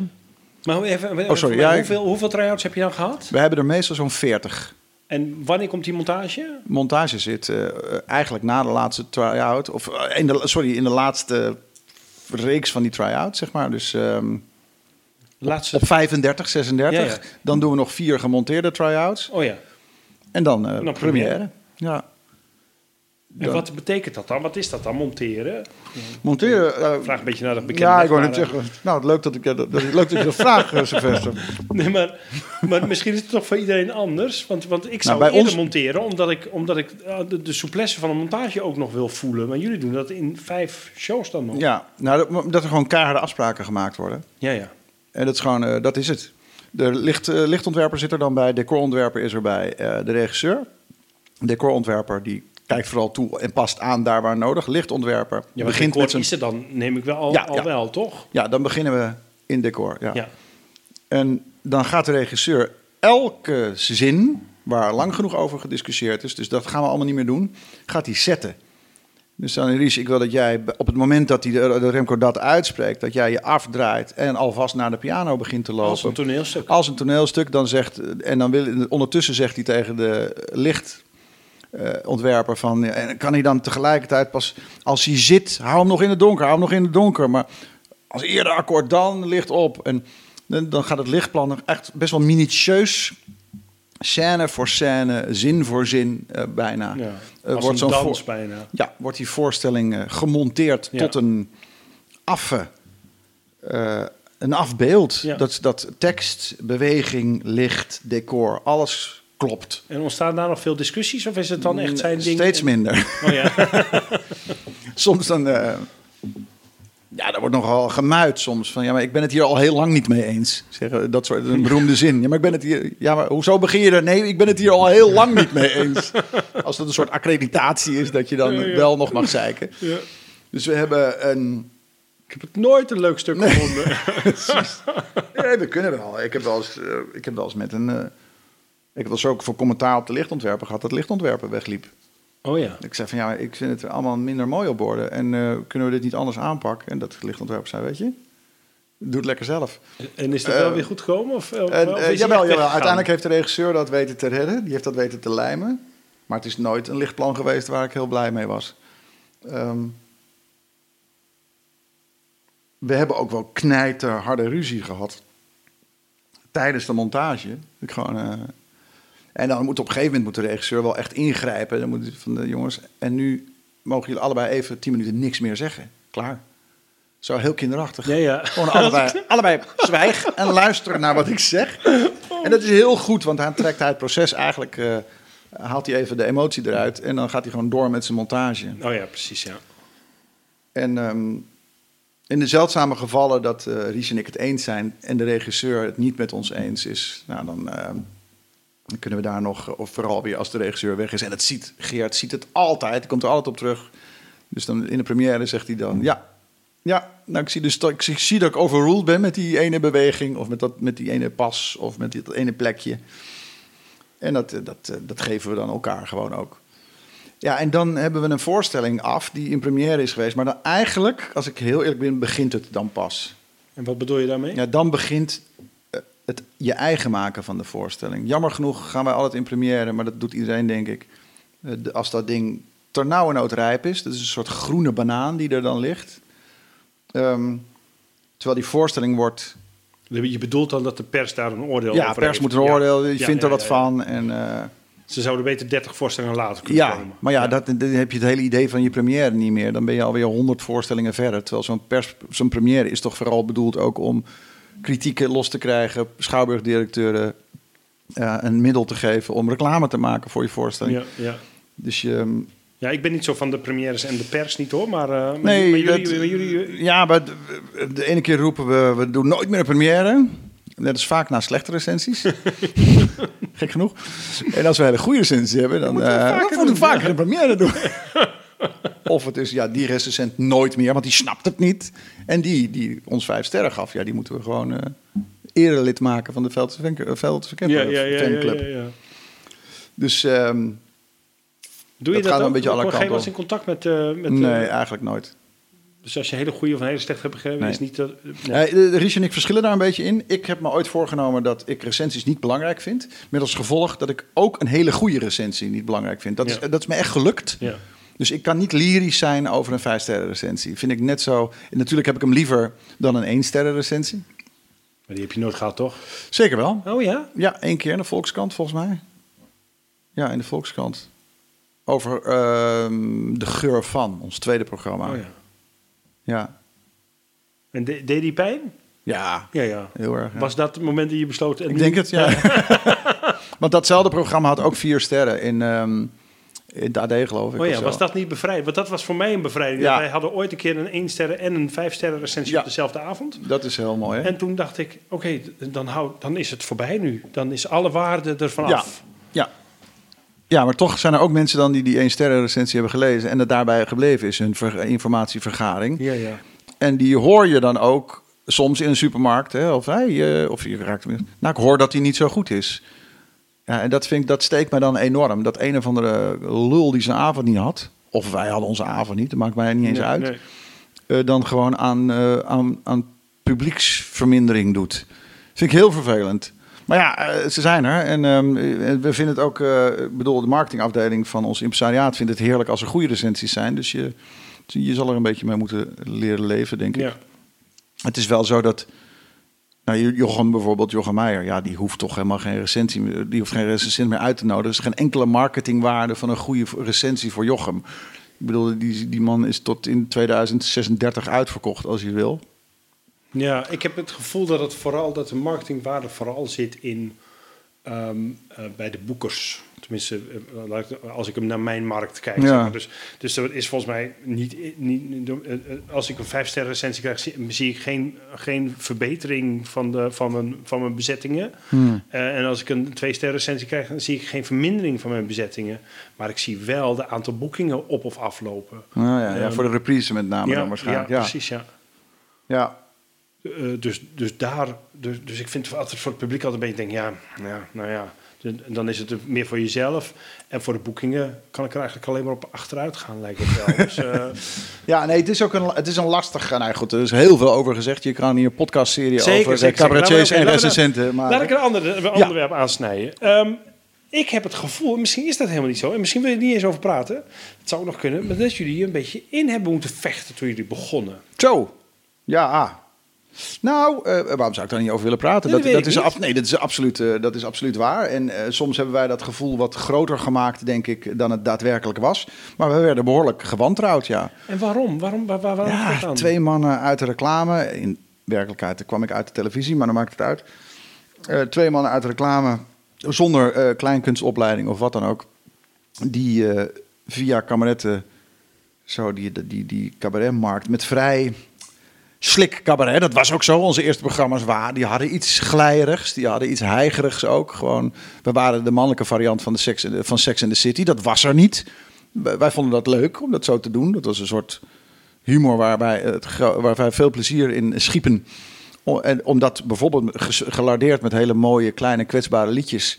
Om dat uh, op, een, op een toneel te brengen. En um, maar er waren wel uh, programmeurs en, en schouwburgdirecteuren die dat heel vervelend of heel raar vonden. En dan ook nog eens een keer een hit. We waren redelijk verdacht door Ik wou dat ik jou was. Nou, die zullen ze dan wel gekocht hebben. Dat is commerciële jongens, oh, commercieel. Oh, oh, ja, had je dat gevoel dat mensen zeiden... Uh... Nou, dat werd gewoon gezegd. Oh ja. De commerciële veldscampers springen in de gat in de markt in cabaret. Ja, alsof het allemaal bedacht was. En het was het niet. We, waren gewoon, Richard en ik bij elkaar kregen dit soort ideeën en vonden het onwijs leuk. Ik ja, wou dat ik, jou was. jullie al wat langer, maar jullie zijn, jullie zijn gewoon begonnen, toch? Ja. Jullie zijn gewoon, gewoon dat je wat het leuk vond om dat te maken. Twee zij-instromers. We hebben één keer een cabaretvoorstelling geschreven, een hele lange. En we hebben daar allemaal collega's bijna ter dood mee verveeld. En dat, daar hebben we een deel uitgehaald. En daar zijn we mee naar kameretten gegaan. Mark meneer Heijbergs won, wij werden tweede. Ja. En de rest uh, werd gewoon, uh, is puur enthousiasme. Want we hadden allebei een baan die we echt niet hadden op hoeven geven om uh, nee. te gaan lopen klooien voor 400 euro in nee. de Hamse Bok in Dongen, weet je wel. Of nee, wat zeg ik? Volgens mij kreeg je daar een kom soep. Was dat het? Dat was de... Zou het kunnen? Zou het, zou, het, zou het bestaan dat iemand zegt: hé, hey, daar is een gat, daar spring ik in? Nee, en dat, nee ik geloof daar niet in. Niet. Ik geloof, dat zou misschien kunnen met een eerste programma, maar daarnaast klaar. Je kan niet je kan niet. Er werd ons wel eens een gebrek aan innerlijke noodzaak verweten. Maar ik denk dat je geen cabaretprogramma's kan maken, zeker geen tien, zonder innerlijke noodzaak. Dat gaat niet. Dat het is geen werk. Niet, nee. het is, dit is geen werk. Dit is een. Dit is, het voelt soms wel als werk, maar het is een. Uh, Waren jullie te goed in het begin misschien? Ja, nou. Was het ja, al dat, toch? Dat kan je echt niet over. Dat zou ik nooit over mezelf en Ries zeggen. Maar... Nee, maar, nee, maar als, jullie, als jullie heel jong waren geweest en heel beginnend waren geweest, dan, ja. dan was het toch niet zo geweest dat mensen hadden gezegd: hé, hey, dit is nog niet goed genoeg. Maar blijkbaar, tenminste, dat denk ik nu, zaten jullie op een bepaald niveau waarvan ze dachten: hé, hey, maar dit is wel. Dit is eigenlijk te goed voor een begin. Ja, het was, het was, het was, het was misschien te gepolijst. Ja. En dat. Uh, maar dat straalde er een beetje zo van af. En, en ik denk dat het vak, ja, die ziet liever mensen worstelen en opkomen en dan uh, er doorheen prikken. Ja, neem Richard Groenrijk, prachtig voorbeeld. Ja. Die man die heeft zich helemaal de tyfus gewerkt om te komen waar hij is. Heel lang, heel lang, ground gebleven. heel lang veelbelovend. En, ja. en keihard, maar door structureel goede programma's te maken.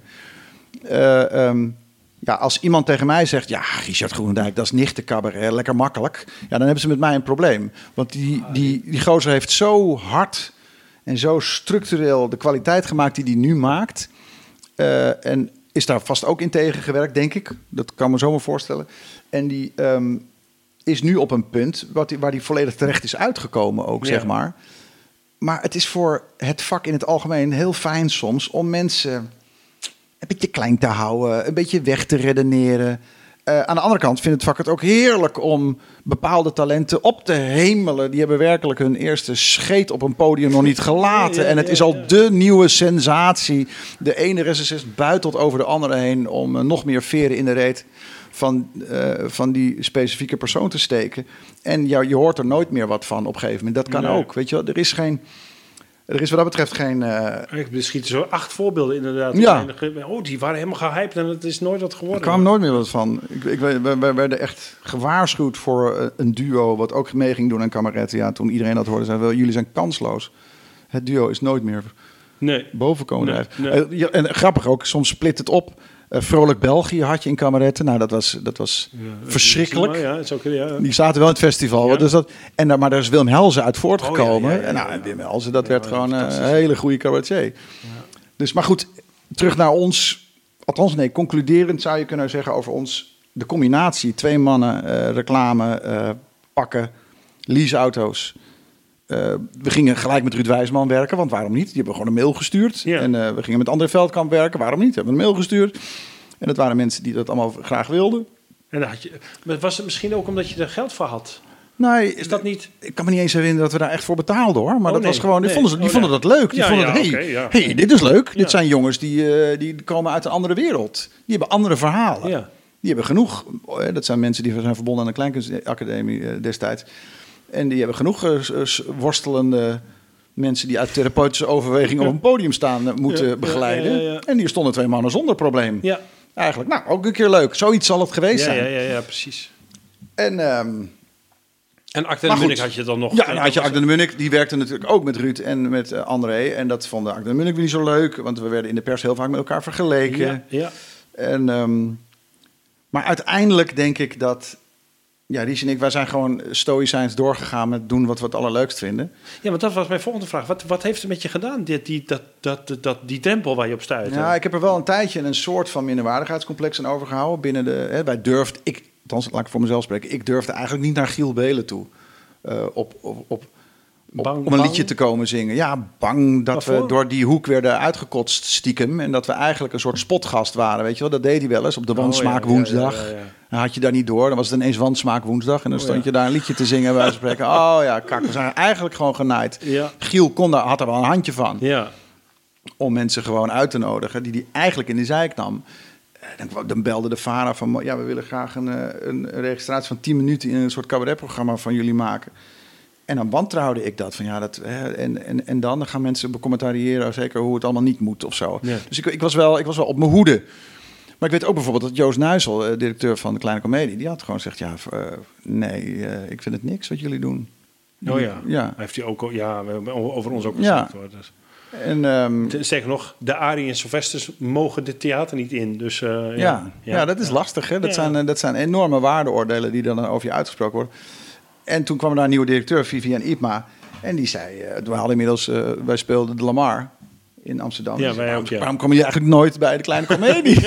ja, eh, dat mocht nou ja. eh, Nou, laten we dat dan kijken of we dat... Dus het zijn ook processen. En ik denk dat het er gewoon wel bij hoort, weet je wel. Ehm, Heeft het je wat gebracht ook? nou, wel een soort vechtlust. Ja. Ja, wel een soort Pietje Bel-achtig... eh, ja, we, we zullen doorgaan. dat je toch echt een soort, ja... voorbij de hit ook. Kijk, het had natuurlijk heel goed kunnen zijn... dat wij in 2004 eh, stampvolle zalen hadden... en in 2006 hartstikke leeg. Ja. Maar dat was niet zo. Nee. We bleven in ieder geval een soort constante kwaliteit maken... die wel overigens na negen programma's... of acht programma's herzien moest worden. En dat moest hij ook naar vijf programma's. Dus we, we hebben een paar keer hebben het roer omgegooid. We moeten praten was een fundamenteel ander programma dan Tijd Ja. had alles zonde. Eh, geloof ons nou maar, was een fundamenteel programma anders dan Of de Gladiolen. Zijn kantelpunten geweest in onze... Ja, want, Ja, want eh, jullie zijn ook een duo wat het lang volhoudt. Ja, eigenlijk wel, ja. Toch, hè? Er zijn, Meest- zijn niet zo heel veel cabaretduo's die elf programma's... Of, nee, wij gaan, althans, wij gaan nu aan ons tiende... eh, die dat hebben gedaan. Nee. Relatief weinig zijn er. eh. Ja, ja, ja. ja. ja de meeste, de meeste na zo'n twaalf jaar stopt het Ja. een beetje. Eh, Wij waren een soort Bassie en Adria. We gaan net zo lang door tot de mensen het leuk vinden. Heeft hij ook een keer gezegd. Die man. Dus de, en we vinden het ook nog leuk. Dat is, Ja. Kijk, dat jaar Nou, solo... Ik vind jullie ook steeds, hoe zeg je dat? Ehm, nou ja, ik, ik, ik probeer een ander woord te zoeken, maar ehm, eh, steeds prettiger op het podium staan. Maar ook steeds, de, het, de programma's worden ook steeds steviger en, en, Ja. en, en, en dieper en, ehm, en- en prettiger om naar te kijken, vind ik. Ja. En je voelt je vrijer en dat zie je allemaal heel goed, vind ik. We ontwikkelen ons gelukkig Ja, nog, zeg nog maar. steeds, en, dat is- ja. en ik denk dat stilstand in, eh, in ons vak is echt wel een soort achteruitgang. Je moet je blijven ontwikkelen. Ook al zijn daar de meningen ook weer over verdeeld. Hè. Er zijn natuurlijk hele grote namen op het podium waarvan mensen zeggen... ja, die doet al 30 jaar hetzelfde trucje. Nou, zo so be it. Eh, mag je ook lekker commentaar op wat mij betreft. Maar dat zijn solisten. En ik vind er, er is een heel groot verschil tussen eh, een solist die zijn eigen stijl heeft... en een duo wat stilstaat. Want het blijft uiteindelijk toch echt een groot verschil... of je naar één iemand kijkt waar je spanning mee hebt...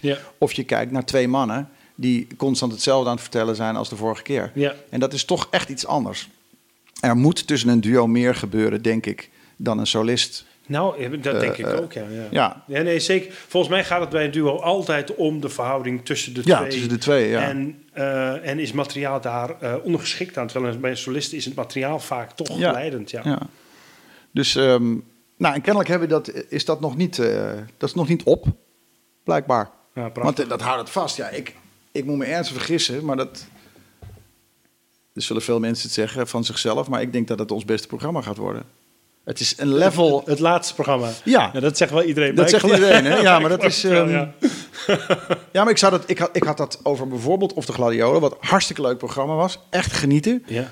Eh, hilarisch.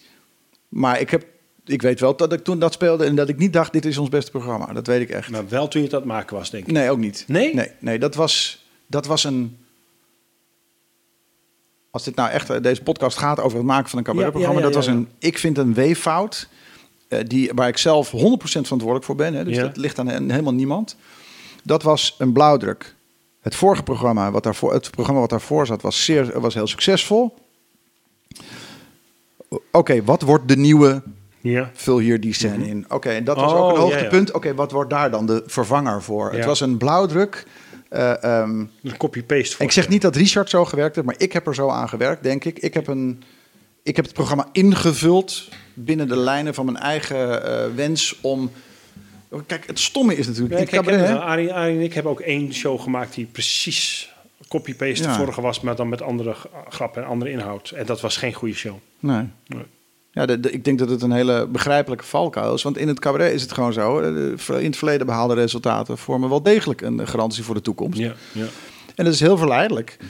Ehm, en het is, Nick en Simon hebben het een keer heel mooi gezegd in een interview. Het zijn, die zeiden, eh, het zijn van Nick en Simon is balanceren tussen wat de fans van Nick en Simon verwachten en wie wij willen zijn. ja. Dat is een dun lijntje. ja. En dat is dan Ja, muziek. Prachtig, ja. Ja, en maar bij Velders Camper is het precies zo. We hebben, ja, maar jezus, het werkt altijd heel goed als we het zo doen. Ja, ja, waarom zouden we dat? Want als je te veel verandert, dan zit iedereen, ja, maar dit zijn niet meer onze jongens. Nee, nee, klopt, ja. Eh, maar soms, eh, Dat voelde voor mij echt als een keurslijf. Ja. Ik wilde daaruit. Ik, ik, ik kon daar niet meer. Ik, ik wilde niet meer dat doen. nee, je had nog eh, jarenlang kunnen rammen. En, Ja, ja, zeker. Wij hadden nog ja. jarenlang hetzelfde kunnen doen. En sterker nog, ik had het met heel veel eenvoud ook kunnen maken. Want, ik, want het, het, het, het rolt zo uit je mouw. Ja, Maar ik, ja, daar zag ik geen uitdaging in. En ik werd ongelukkig op het podium en ik moest daar weg. Ja. ja.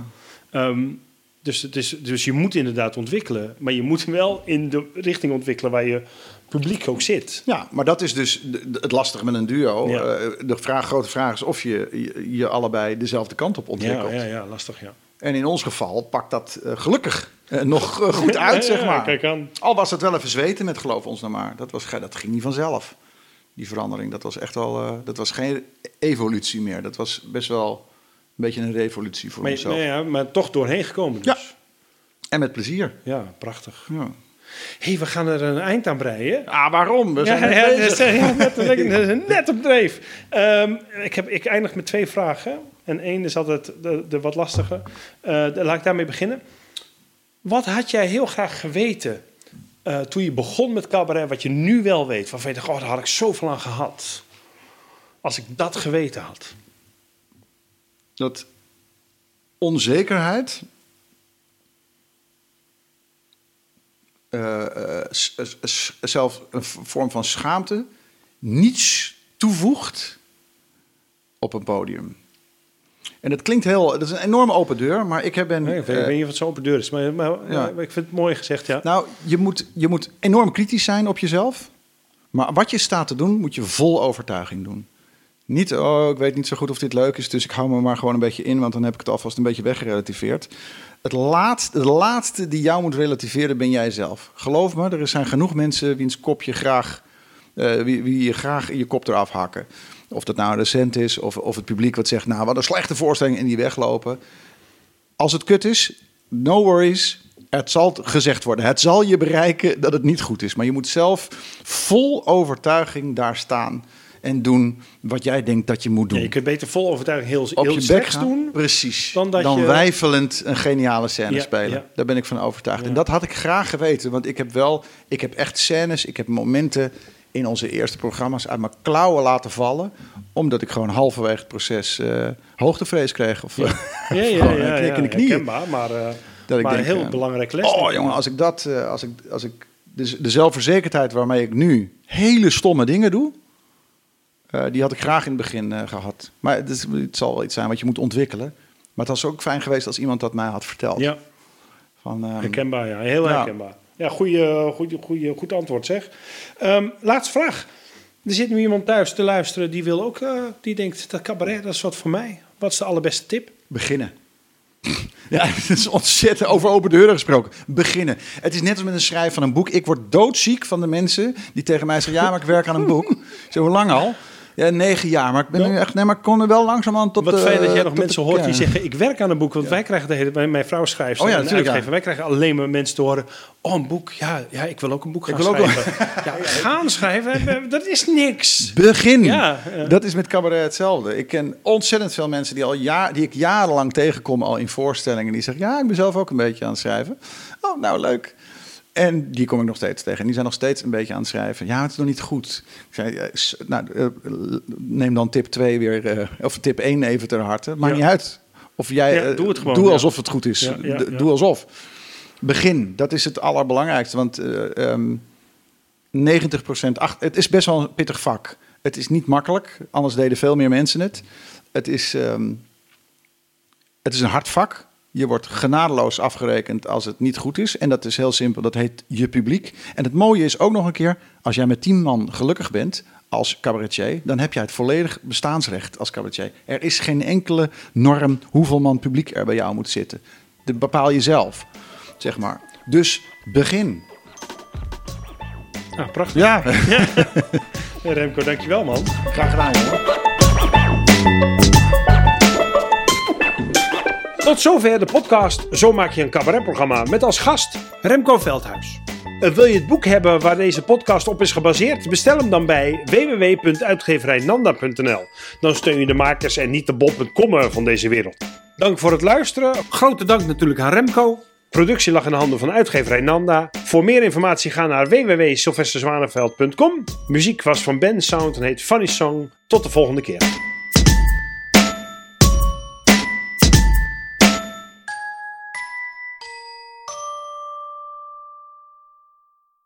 En nu je me toch vraagt, Sylvester, heb je nog een aanrader voor een andere podcast? Maar natuurlijk. Waar ik zelf heel graag naar luister is de Elektra-podcast van Wouter Monde. Waar Wouter praat met cabaretiers over hun allerslechtste optredens. Het is te gek om naar te luisteren. Er staan al heel veel afleveringen online. Dus check die shit.